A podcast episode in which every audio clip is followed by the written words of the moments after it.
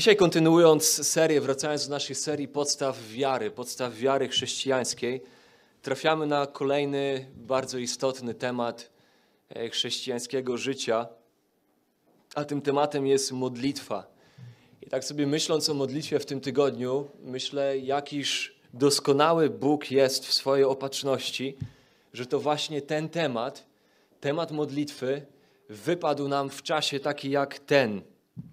Czasie, który jest czasem ogromnych prób, strat, różnego rodzaju cierpień, przemocy, czasem wojny, niepewności. Jest to czas w taki, taki, w którym wielu czuje zapewne zmieszanie, zakłopotanie, może nawet rozczarowanie, zwątpienie, właśnie strach, smutek, przygnębienie, złość, bezradność, beznadzieję, a przy tym wszystkim prawdopodobnie nadzwyczajne zmęczenie fizyczne, ale i też duchowe zmęczenie ciężarem tych sytuacji. I Słowo Boże i Duch Boży, który zamieszkuje w dzieciach Bożych, przypominają nam, że nie ma lepszej osoby, do której moglibyśmy przyjść w czasie taki jak ten, niż nasz Pan Jezus Chrystus. On sam mówi w Ewangelii Mateusza w 11 rozdziale, wersety 28 do 30: Pójdźcie do mnie wszyscy, którzy jesteście spracowani i obciążeni, a ja dam wam ukojenie. Weźcie na siebie moje jarzmo i uczcie się ode mnie, że ja jestem cichy i pokornego serca, a znajdziecie ukojenie dla dusz waszych. Albowiem jarzmo moje jest miłe, a brzemię moje jest lekkie. Przyjdźcie do mnie, wy, którzy jesteście strudzeni, zmęczeni obciążeni, a ja dam wam ukojenie. Jak ważne, jak istotne, myślę, jest dla nas przypomnieć sobie, szczególnie właśnie w okolicznościach tak trudnych, gdzie duchowo często potrafimy być słabi, pojawiają się w nas reakcje, których sami nie chcielibyśmy widzieć w sobie samych. Reakcje właśnie może zwątpienia, rozczarowania, może nawet rozczarowania Bogiem w tych różnych sytuacjach pytania, wątpliwości. Więc może w tym czasie czujesz się, jakbyś nie miał ochoty nawet do Niego przychodzić, tak jak miałeś ochotę wcześniej. Może właśnie z powodu swojego zmieszania, zakłopotania i rozczarowania rzeczami, które się dzieją. Albo może czujesz się, jakbyś nawet nie był mile widziany przed obliczem Bożym. Że może w jakiś sposób Bóg porzucił Ciebie, odwrócił się od Ciebie albo zdystansował się od Ciebie, od Ciebie, czy to z powodu wydarzeń, które mają miejsce, czy może z powodu Twoich reakcji na tę sytuację? Może z powodu tego, że czułeś się nieraz w tych sytuacjach swojego życia trudnych, a wiemy, że tutaj jakby z jednej strony mamy sytuację naszych braci i sióstr, które przychodzą ze wschodu, ale też wiemy, że i w życiu naszego Kościoła ostatnie pół roku czy więcej jest ogromnym obciążeniem dla wielu ludzi w naszym Kościele. Jest czasem wyzwań, trudności, przeciwności. Więc może nawet z powodu tych przeciwności i swoich reakcji, reakcji swojego serca, z powodu rozczarowania, które pojawia się w Twoim sercu, strachu, zwątpienia, może czujesz się jakby Bóg nawet nie był, Bóg nie zapraszał Ciebie przed swoją obecność, że nie jesteś tam mile widziany, bo przecież tak wielokrotnie, w tak wielu wymiarach zawiodłeś, nie okazałeś się wspaniałym mężem Bożym, wielkim, silnym, potężnym mężem Bożym, jak Spurgeon, jak Whitfield, jak apostoł Paweł.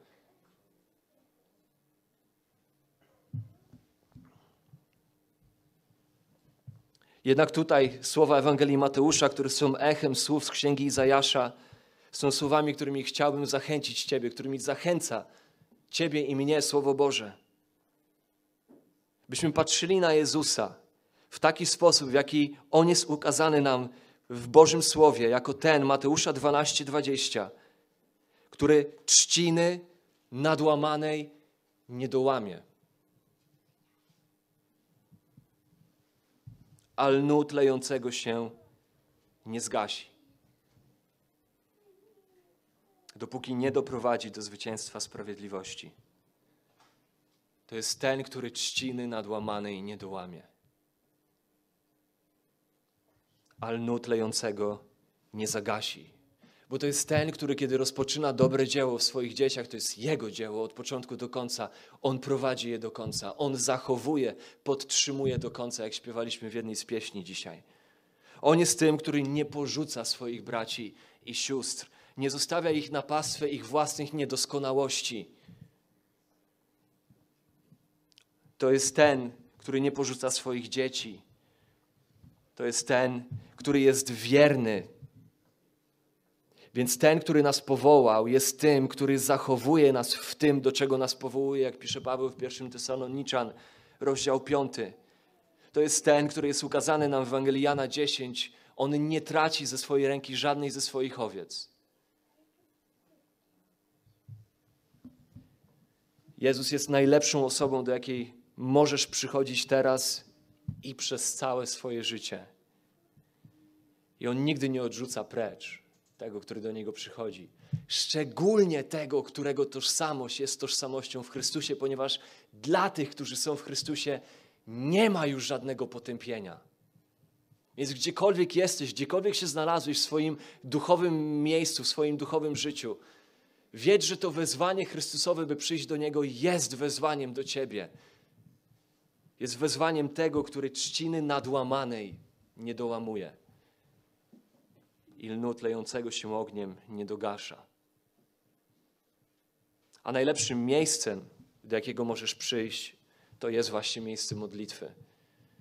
To jest miejsce modlitwy i oczywiście nie mamy na myśli fizycznego miejsca z cegieł i z betonu, miejsca, do którego się schodzimy, bo to miejsce jakąś szczególną świętość w sobie zawiera i tam powinniśmy się modlić, ale oczywiście mamy na myśli duchowe miejsce modlitwy.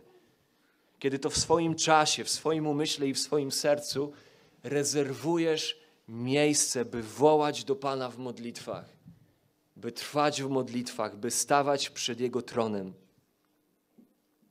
Hebrajczyków, czwarty rozdział, szesnasty werset. Przystąpmy tedy z ufną odwagą do tronu łaski, abyśmy dostąpili miłosierdzia i znaleźli łaskę ku pomocy w stosownej porze.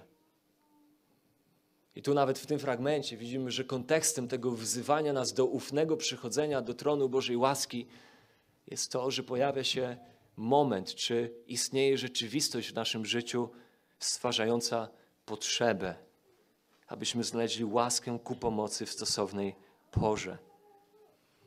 I dzisiaj oczywiście trudne zadanie jest przede mną. Temat modlitwy jest trudnym tematem, chociażby dlatego, że w jednym krótkim czasie nie da się omówić wielu aspektów modlitwy, z wiele rzeczy, których warto byłoby dotknąć i omówić, i nie mamy po prostu takiej możliwości. Jest to trudne zadanie dla mnie, dlatego że w tym tygodniu żeby sam nie miałem czasu, żeby spędzić tyle czasu nad tym słowem, ile wydaje mi się, że potrzebowałem. Ale przede wszystkim temat modlitwy jest trudny, bo jest nadzwyczajnie wzniosły i nadzwyczaj ważny. Jest tak kluczowy dla naszego życia z Panem i manifestowania się Jego życia w naszym życiu i przez nasze życie. A ja czuję się bardzo lichy w kwestiach modlitwy. I tak też moim celem dzisiaj nie jest wymądrzać się przed Wami. Wydaje mi się, że czasami głosząc słowo na jakiś temat oddania Bogu, jakiś temat chrześcijańskiego życia, jak właśnie chociażby temat modlitwy, możemy łatwo sprawiać wrażenie kogoś, kim nie jesteśmy. My, którzy stajemy tutaj za kazalnicą i głosimy, możemy łatwo sprawiać wrażenie kogoś, kim tak naprawdę nie jesteśmy. Możemy dawać złudzenie własnej wielkości, podczas gdy tak naprawdę to jest tylko to, to jest tylko złudzenie. I dzisiaj ja nie chcę mądrzyć się przed Wami, ja nie chcę stwarzać złudzenia, że ja jestem wielkim mężem modlitwy. Jestem świadom, że nie modlę się tak i nie modlę się tyle, ile powinienem. Moje życie modlitewne wygląda licho w kontraście do tego, czego Bóg ode mnie oczekuje, czego ja potrzebuję w swoim własnym duchowym życiu. I dzisiaj chciałbym przypomnieć sobie i podkreślić Wam, że głoszę nie jak generał nad swoimi żołnierzami wydający rozkazy, ale bardziej jak współwojownik w walce, w boju, jeśli chodzi o modlitwę w moim życiu z Bogiem. I po drugie, moim celem też nie jest wzbudzać w nas poczucia winy. poczucia winy, że no, nie modlimy się zbyt wiele. Wydaje mi się, że każdy z nas jest świadomy tego, że nie modli się wystarczająco dużo. I ostatnią rzeczą, której potrzebujemy, to wzbudzać większego poczucia winy. Oczywiście dobrze, gdy Słowo Boże to czyni, gdy ono osądza zamiary i zamysły naszego serca i wyciąga na wierzch nasze niedostatki i grzechy. To jest dobrą rzeczą i miłą przed Bogiem, zwłaszcza kiedy reagujemy na to upamiętaniem i biblijną, pokorną skruchą. Jednak moim celem dzisiaj jest po prostu Was zachęcić. Po prostu zachęcić. Moim pragnieniem jest, aby Pan poprzez swoje słowo ukazał nam modlitwę w świeży sposób. Żeby pomógł nam dostrzec potrzeby modlitwy w naszym życiu. Oczywiście, że modlitwa jest powinnością, ale jest czymś więcej. Ona jest naszą potrzebą. Ona jest powietrzem, którym oddychamy. I ona jest możliwością naszą. Ona jest naszym przywilejem. Oczywiście modlitwa jest naszą powinnością. Bóg wzywa nas do modlitwy, oczekuje od nas modlitwy. Nie jest ona sugestią, nie jest rzeczą opcjonalną dla chrześcijanina. Modlitwa jest nakazem. Ona jest wymogiem Bożym w stosunku do Jego dzieci. Jest elementarną częścią chrześcijańskiego życia. Jak powiedziałem, jest powietrzem, którym oddycha Boży człowiek. Jak trafnie raz Spurgeon odpowiedział na pytanie, co jest ważniejsze, słowo czy modlitwa? Spurgeon wtedy odpowiedział, co jest ważniejsze, wdech czy wydech. Więc oczywiście modlitwa jest naszą powinnością. Widzimy, Jezus oczekuje modlitwy. Widzimy w Ewangeliach wielokrotnie, w Mateusza 6:5, a gdy się modlicie, Jezus zakłada, że Jego uczniowie będą się modlić. Mateusza 6:6, ale Ty, gdy się modlisz, dalej, a modląc się, a Wy tak się módlcie. Ewangelia Łukasza 11:9, ja Wam powiadam, proście, szukajcie, kołaczcie. Łukasza 18:1, powiedziałem im też, że zawsze powinni się modlić. Ale nie tylko Jezus, ale w ogóle całe Słowo Boże oczekuje od nas modlitwy. To się nie kończy na Ewangeliach i na życiu Chrystusowym. 1 Tesaloniczan 5,17 Bez przestanku się módlcie, nieustannie się módlcie. Rzymian 12,2 W nadziei radośni, w ucisku cierpliwi, w modlitwie wytrwali. 1 Tymoteusza 2, wersety 1 do 3 W każdej modlitwie i prośbie zanoście o każdym czasie modły w duchu, o każdym czasie i tak czuwajcie z całą wytrwałością i błaganiem. Biblia zawiera ponad 750 odniesień do modlitwy. Jest to zdecydowanie jeden z centralnych punktów życia chrześcijańskiego, życia Bożego Ludu. Poza nakazami modlitwy znajdziemy w Biblii masę przykładów modlitwy. Jedna z najdłuższych ksiąg Biblii jest niczym innym jak zbiorem modlitw. Najdłuższy rozdział w Biblii jest modlitwą. W Biblii modli się Abraham, modli się Mojżesz, modli się Dawid, modli się Paweł, modli się Piotr, Jan, no i oczywiście modli się nasz Pan Jezus Chrystus. Pomyślmy o tym przez chwilę. Chrystus modli się nieustannie. Nawet pośrodku ogromnego zmęczenia, kiedy czyta się Ewangelię Marka, Ewangelia Marka, kiedy ją się czyta jednym tchnieniem, ona potrafi być bardzo męcząca. Tam jednym z takich ulubionych zwrotów Marka w jego Ewangelii jest i natychmiast Jezus, i natychmiast. Nawet w pierwszym rozdziale już kilkukrotnie pojawia się i natychmiast, i nagle. Jezus coś zrobił. Zmienia się ciągle akcja. To są takie takie bardzo takie błyski tylko, flasze z wydarzeń Jezusa. Ciągle coś się dzieje, idzie z miejsca w miejsce, pojawia się potrzeba za potrzebą i On pośrodku zmęczenia rezerwuje czas na to, by iść na osobność i spędzać czas z Ojcem. Uczniowie nawet tego nie rozumieją, przychodzą z pretensjami do Jezusa. Widzimy to w Ewangelii Marka już w pierwszym rozdziale, że co ty robisz, tam jest masa ludzi, którzy czekają na siebie, gromadzą się u drzwi, potrzebują uzdrowienia. Jezus mimo to idzie na osobność i modli się. W Izajasza 42:1 czytamy niezwykłe słowa. Słowa, których głębi nawet do końca nie jesteśmy w stanie pojąć, uchwycić. Tam w jednej z pieśni o słudze pańskim, pieśni, które zawierają się w księdze Izajasza, oto fragment jednej z tych pieśni, pieśni na temat sługi Pana, który przyjdzie ocalić Boży lud. Oto mój sługa, którego podtrzymuję, mówi Pan, mówi Bóg. Oto mój sługa, którego podtrzymuję. Tutaj zależy, jaki mamy przykład. Niektóre przykłady mówią, którego wspieram, którego popieram. A bez względu na to, jak spojrzymy na te słowa, czy spojrzymy to tylko na to, że Bóg tutaj popiera Jezusa jako tego, który przyszedł zrealizować jako dzieło, mówiąc: Jestem z Tobą, popieram to, co robisz, czy raczej Bóg ukazany jest jako ten, który podtrzymuje Jezusa w jego rzymskim, w jego, przepraszam, jego ziemskim życiu, w jego wcieleniu jako człowiek, wyposażając go do tego, by on przeżył to ludzkie, cielesne życie w sposób podobający się Ojcu, to do końca nie ma tak naprawdę większego znaczenia, bo przesłanie jest to samo. Chrystus w ciele był tym, który podlegał wsparciu Ojca, podtrzymywany przez Ojca.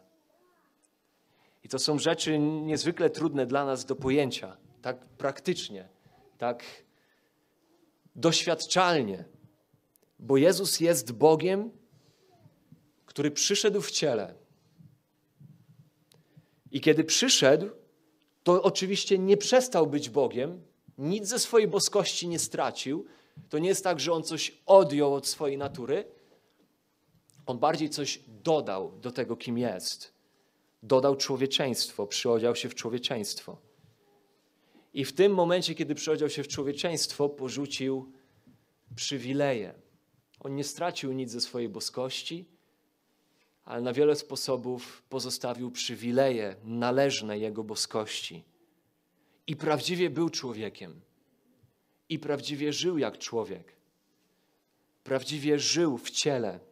Ciele, które znało głód, które znało zmęczenie, ból, cierpienie. Ciele, które znało pokusy, doświadczało pokus. I czytamy, że był podobny do nas we wszystkim. We wszystkim, jako w pełni człowiek, który przyszedł przeżyć ziemskie życie po ludzku, w człowieczeństwie. Za wyjątkiem jednej rzeczy za wyjątkiem grzechu. I czytamy, że to Bóg podtrzymywał go. Sukces Jezusa jako Boga wcielonego w ludzkim ciele przez 33 lata jego życia jest bezpośrednio powiązany z Bogiem podtrzymującym go. Jezus żył jako człowiek, ale okazało się, że kiedy żył jako człowiek, nie żył jak pierwszy Adam i jak wszyscy po nim, którzy poszli w ślady pierwszego Adama, który upadł, lecz przyszedł jako ostatni Adam, drugi Adam, lepszy człowiek który przyszedł stworzyć nowe człowieczeństwo, nową ludzkość. Okazał się tym, na którego wszyscy czekali. Okazał się tym, który jest bez grzechu, który oparł się każdej pokusie, który przyszedł zwyciężyć, bo przyszedł jako zwycięzca. Bóg w jego człowieczym życiu podtrzymywał go mocą Bożego Ducha. I musimy to mieć na uwadze, musimy to mieć przed oczyma, gdy czytamy o życiu Chrystusa w Ewangeliach. Jeżeli następnym razem będziemy czytać przez Ewangelię, będziecie czytać przez Ewangelię, miejcie to na uwadze. Jak bardzo wszystko to, co robi Chrystus, jest poddane Duchowi Bożemu, który działa przez Niego i Ojcu, który Go podtrzymuje przez Bożego Ducha. Ojcu, który Mu objawia, Ojcu, który Go wzmacnia, Ojcu, który przez Niego dokonuje wielkich dzieł. Jezus nie modli się w Ewangeliach, kiedy mamy to na uwadze, kiedy czytamy Ewangelię i czytamy o życiu Jezusa w Ewangeliach i chociażby o Jego życiu modlitewnym, to mając na uwadze to Jego przeżywanie życia w człowieczeństwie, wydaje mi się, że Jezus nie modli się za każdym razem, kiedy trafiamy na modlitwy Jezusa w Ewangeliach. Jezus nie modli się, by pokazać uczniom, jaki to On jest duchowy. On nie modli się nawet, by pokazać, jakie to On ma wielkie oddanie modli się, bo w swoim człowieczeństwie jest tym, który potrzebuje modlitwy. Jest tym, który jest świadomy, że to podtrzymywanie go przez Ojca jest kluczowe do wykonania dzieła ziemskiego, które jemu zostało zlecone. Modli się, bo jest świadomy potrzeby modlitwy. On miał okazać się zwycięstwem, miał oprzeć się każdej pokusie, miał być barankiem doskonałym, by móc zgładzić grzechy świata, a do tego potrzebna była moc Boża działająca w nim przez Ducha Bożego, w nim, który na ten czas zdecydował się żyć jak jeden z nas. I dlatego modli się. Dlatego modli się.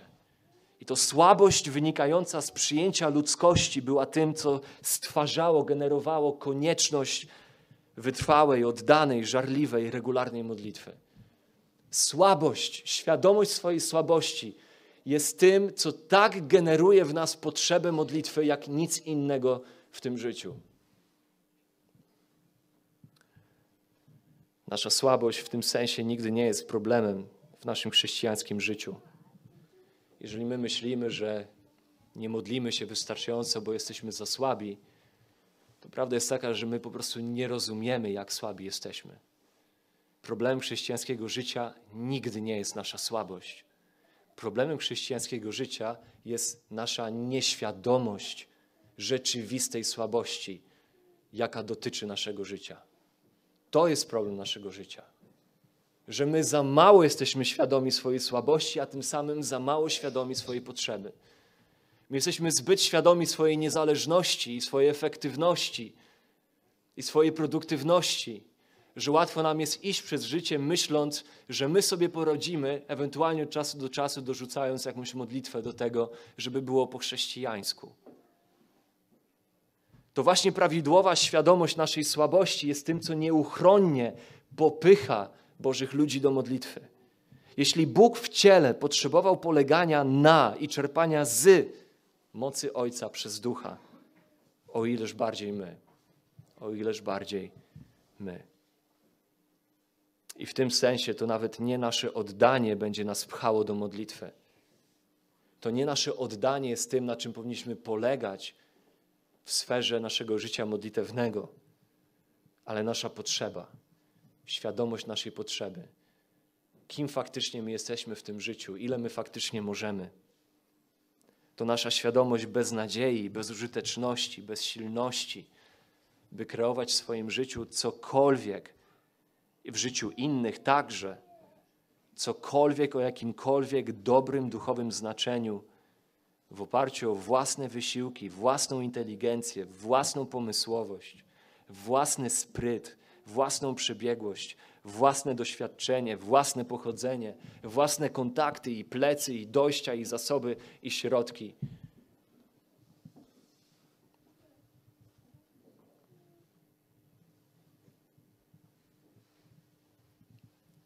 Jesteśmy jedynie naczyniami kruchymi, a moc nasza nie jest z nas, lecz z Boga, jak pisze Paweł w 2 Koryntian w czwartym rozdziale. I to właśnie nic tak bardzo, jak odkrywanie własnej kruchości, własnej słabości i desperackiej potrzeby nie uczy nas tak dobrze modlitwy. Szczególnie w kontekście obecnych wydarzeń i tych ostatnich, i tych dalszych może z naszego życia, trudnych. Pamiętajmy, że to trudne wydarzenia naszego życia mogą właśnie okazać się największym błogosławieństwem dla nas w naszym życiu z Bogiem. To właśnie te najtrudniejsze wydarzenia naszego życia mogą się okazać największą łaską Bożą dla nas, przez którą Bóg kreuje i uświadamia nam właśnie naszą słabość. Właśnie naszą słabość. Powiedział Matthew Henry: Nadzwyczajne przeciwności nie zawsze są karą za nadzwyczajne grzechy ale czasami są środkiem nadzwyczajnej łaski.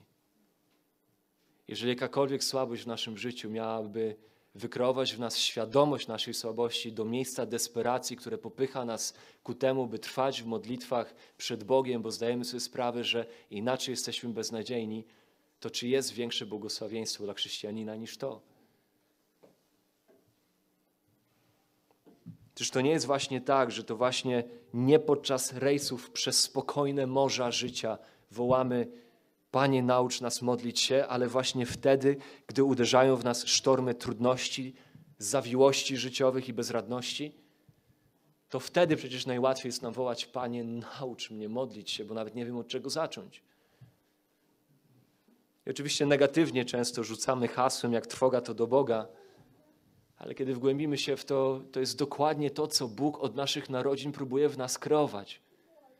Próbuje, próbuje nam uświadomić, że nasze całe życie powinno być świadomością trwogi, która powinna stale popychać nas do Boga.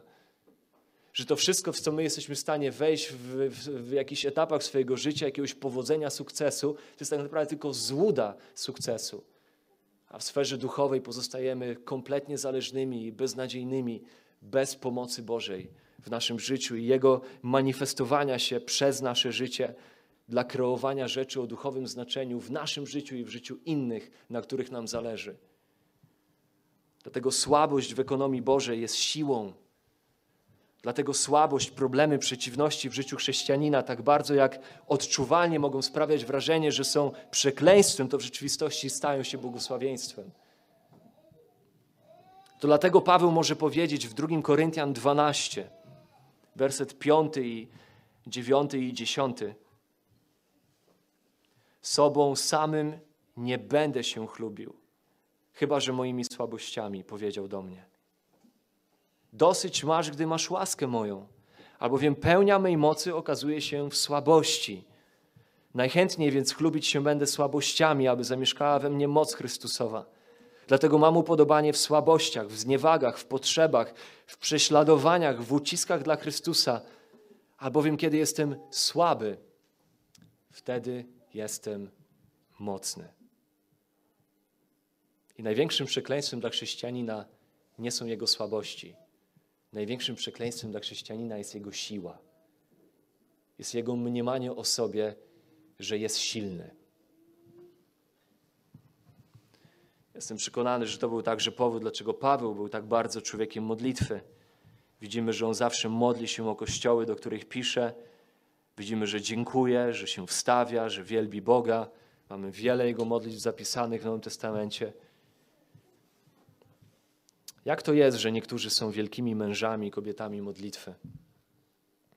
Jak to jest, że Jezus był mężem modlitwy? Paweł, Spurgeon, George Mueller był mężem modlitwy. Johnny Erickson Tada była kobietą modlitwy. Jest. Elizabeth Elliot. Czy oni są, byli wielkimi mężami i kobietami modlitwy, bo byli wielkimi ludźmi? Bo byli wielkimi Bożymi ludźmi? No otóż absolutnie nie. Oni byli ludźmi, w których życie Bóg wniósł niezwykłe słabości. Wystarczy wczytać się w ich życie. To nie są wielcy ludzie, którzy z powodu swojej wielkości stali się ludźmi wielkiej modlitwy, ale to są ludzie, w których życie Bóg wniósł niezwykłe słabości, przez to byli świadomi, że jeżeli Bóg nie będzie działał w nich i przez nich, to sprawa jest przegrana i beznadziejna. Dlatego nigdy nie chcieliśmy patrzeć na innych w sposób postrzegający ich jako wielkich. O, ten jest, był wielkim człowiekiem Bożym. O, tamten jest wielkim człowiekiem Bożym. Ona jest wielką kobietą Bożą. Oczywiście do pewnego stopnia rozumiem, co możemy mieć na myśli, mówiąc to, ale oduczmy się myśleć o Bożych ludziach w ten sposób, że to byli wielcy Boży ludzie i wielkie Boże kobiety. Nie ma wielkich Bożych ludzi mężczyzn i wielkich Bożych kobiet. Są tylko słabi, krusi, ułomni Boży ludzie z wielkim, wspaniałym i potężnym Bogiem.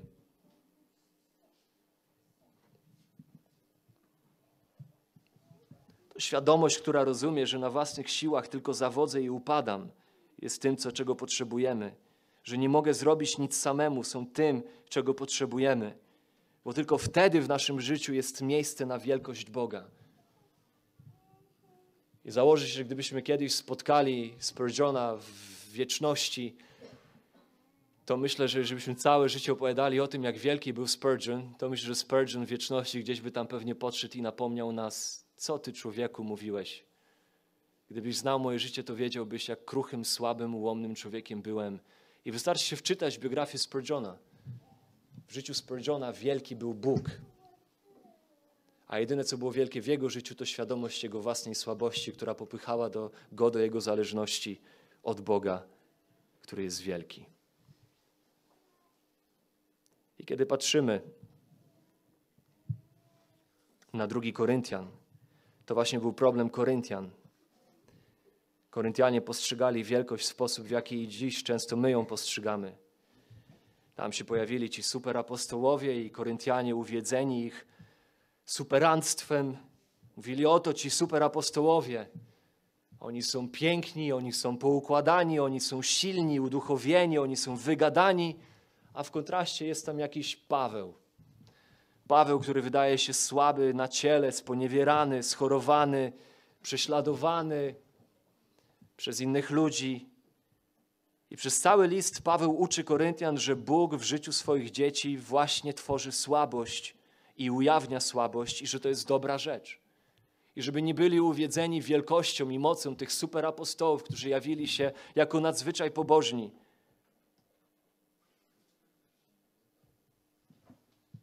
Kiedy patrzymy na Hebrajczyków 14-16, który już przeczytaliśmy, przystąpmy tedy z ufną odwagą do tronu łaski, abyśmy dostąpili miłosierdzia i znaleźli łaskę ku pomocy w stosownej porze.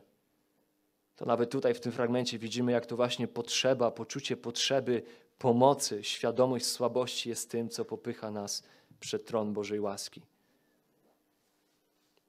Spójrzmy na parę aspektów tego, czym modlitwa w ogóle jest. Nawet tutaj w Hebrajczyków 14-16 widzimy ten wymiar modlitwy, która jest swego rodzaju królewskim zaproszeniem dla nas. Z ufnością przystąpmy do tronu Bożej łaski. To jest zaproszenie króla królów do sali tronowej, by sięgnąć po Bożą łaskę ku pomocy w stosownej porze.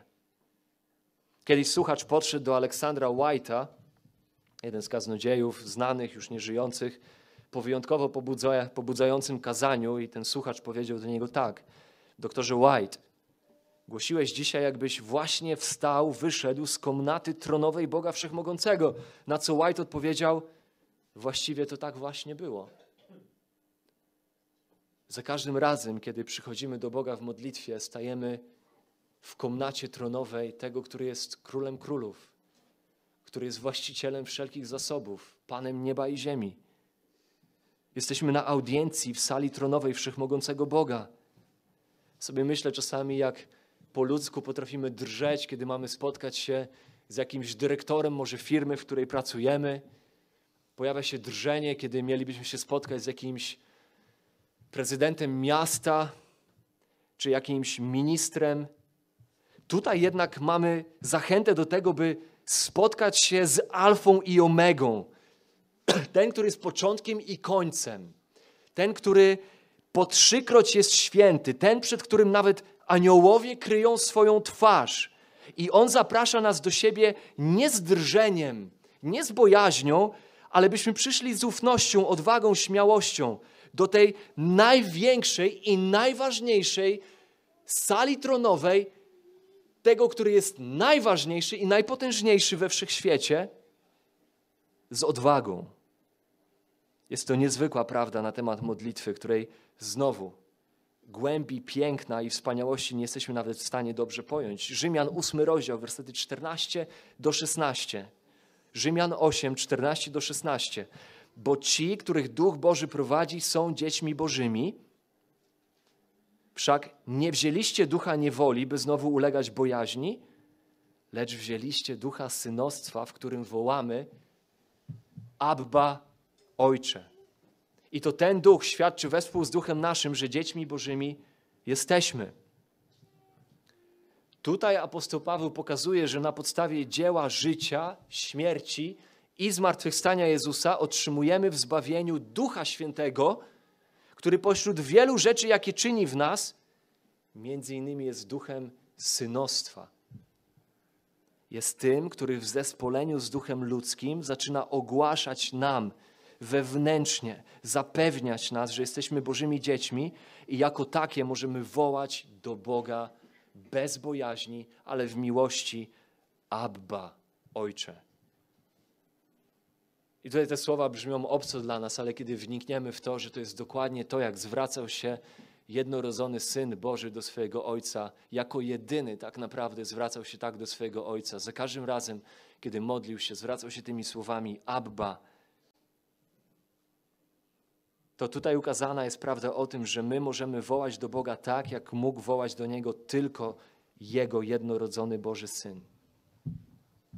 Jest to królewskie zaproszenie do sali tronowej Boga, jest zaproszeniem do tego, który też jest naszym Ojcem i w duchu synostwa wołamy Abba.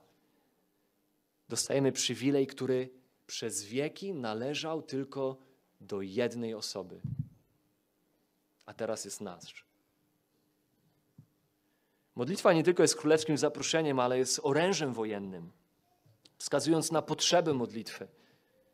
Efezjan 6 rozdział, wersety 18 do 20. W każdej modlitwie i prośbie zanoście o każdym czasie modły w duchu i tak czuwajcie z całą wytrwałością i błaganiem za wszystkich świętych i za mnie. Kontekstem tego fragmentu jest prawda o tym, wersety od 10 do 13, że życie chrześcijanina to walka, że to plac boju, że życie chrześcijanina to zasadzki diabelskie, że to, jest, to są ataki i knowania całych zastępów diabelskich, że życie chrześcijanina to ciągłe stawianie oporu. To jest kontekst tych słów. I tam ta zbroja Boża opisana przez Pawła kończy się jego wezwaniem tych chrześcijan do tego, by modlili się – Paweł był tym, który staczał bój i w tym boju wzywał do modlitwy. Modlitwa jest jak ta krótkofalówka naporu walki, dzięki której możemy wzywać najwyższego dowódcę, sięgać po boskie zasoby, niebiański oręż. John MacArthur zauważa odnośnie modlitwy w liście do Efezjan, że Efezjan zaczyna się wznoszeniem nas w okręgi niebieskie, a kończy się ściągnięciem nas na kolana. Modlitwa jest kluczem w misji Kościoła, dalej wskazując na potrzeby, jak bardzo my potrzebujemy modlitwy, bo jak bardzo jesteśmy słabi bez Bożego zaangażowania w nasze życie. Mateusza 9 rozdział, wersety 36 do 38. Tam czytamy o tym, że Jezus czuł brzemię wobec tłumów niezbawionych ludzi. Widział tych ludzi opuszczonych i utrudzonych, jak owce bez pasterza i co robi? Wzywa do modlitwy zachęca uczniów, by wzywali Ojca i prosili Ojca, aby wyprawił pracowników, bo żniwo jest wielkie, a pracowników mało. I wskazuje na to, że pierwszym krokiem do sukcesu w realizowaniu misji Kościoła jest duch modlitwy.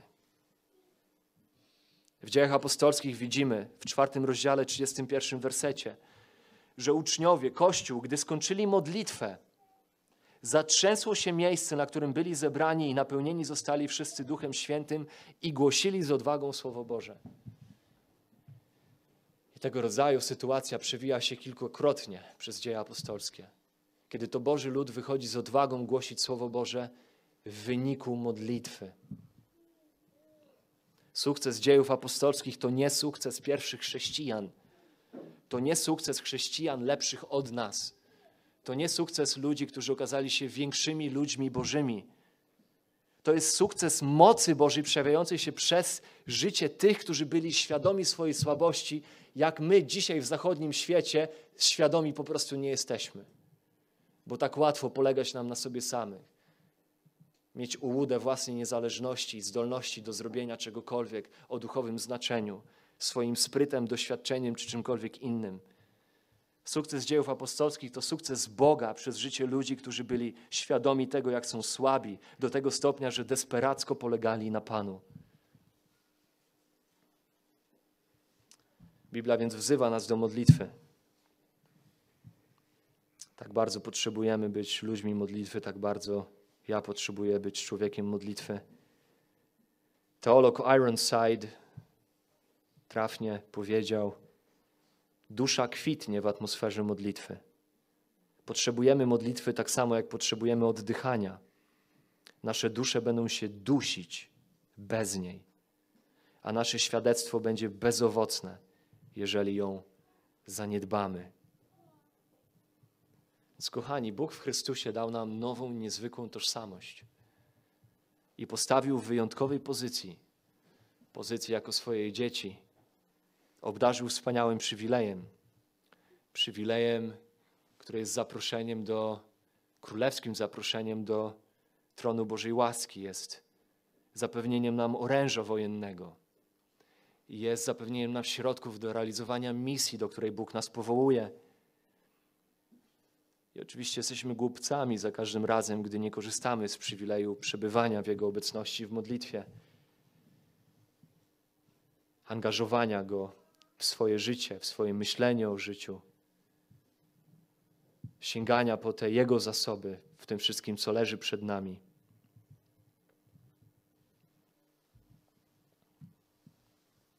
Bez przystanku się módlcie. Albo jak czytamy w Kolosan w czwartym rozdziale, od wersetu drugiego. I tym fragmentem byśmy zakończyli. W modlitwie bądźcie wytrwali i czujni z dziękczynieniem. Widzimy tutaj, że modlitwa, do której słowo nas wzywa, powinna być modlitwą wytrwałą, powinna być modlitwą czujną. To słowo czujność to jest słowo, które oznacza być obudzonym, takim wyczulonym. To trochę jak człowiek, który dostał informację o tym, że jego dom może być napadnięty tej nocy, no to wiemy, jak będzie wyglądała jego czujność. On będzie czujny. On będzie skalibrowany na to, co może się wydarzyć i w związku z tym będzie prawidłowo reagował. Bo inna być to modlitwa dziękczynna, wypełniona dziękczynieniem. Nawet kiedy przynosimy Bogu nasze prośby i błagania, Filipian, czwarty rozdział, werset szósty, siódmy, to nawet nasze błagania i prośby powinny być połączone z dziękczynieniem, a wtedy pokój Boży, który przewyższa wszelki rozum, będzie strzegł serc naszych i myśli naszych w Chrystusie Jezusie, Panu naszym. A módlcie się zarazem i za nas, aby Bóg otworzył nam drzwi dla słowa w celu głoszenia tajemnicy Chrystusowej, z powodu której też jestem więźniem, abym ją obwieścił jak powinienem. Widzimy, że modlitwa powinna być wytrwała, czujna, dziękczynna, ale też powinna być skierowana na duchową rzeczywistość przede wszystkim. Widzimy to w tym chociażby, o co Paweł prosi, by się modlili za niego. Paweł mógłby prosić o to, by modlili się, by został uwolniony, bo on pisze ten list z więzienia. Mógłby prosić, by modlili się o to, by Bóg go zaopatrzył w podstawowe potrzeby, bo tych potrzeb miał mnóstwo, będąc w tym areszcie domowym, w jakim, z którego pisze ten list. A jednak pośród tych wszystkich rzeczy decyduje się prosić ich o to, by Bóg otworzył drzwi dla Ewangelii i by otworzył jego usta. Tak, by kiedy te drzwi będą otwarte, on swoimi ustami tę Ewangelię głosił jak należy. I kiedy przejrzymy modlitwy Nowego Testamentu, nie tylko Pawłowe, ale w ogóle modlitwy Nowego Testamentu, to zazwyczaj te modlitwy przede wszystkim sięgają po to, co duchowe. To nie znaczy, że nie sięgamy po rzeczy przyziemne, jak najbardziej, rozeznając, że każda rzecz przyziemna też jest rzeczą, która należy do Pana. Ale jest coś takiego w Słowie Bożym, co uczy nas tego, by nasze serca były przede wszystkim wyczulone na rzeczywistość duchową i w modlitwach sięgały po rzeczy duchowe.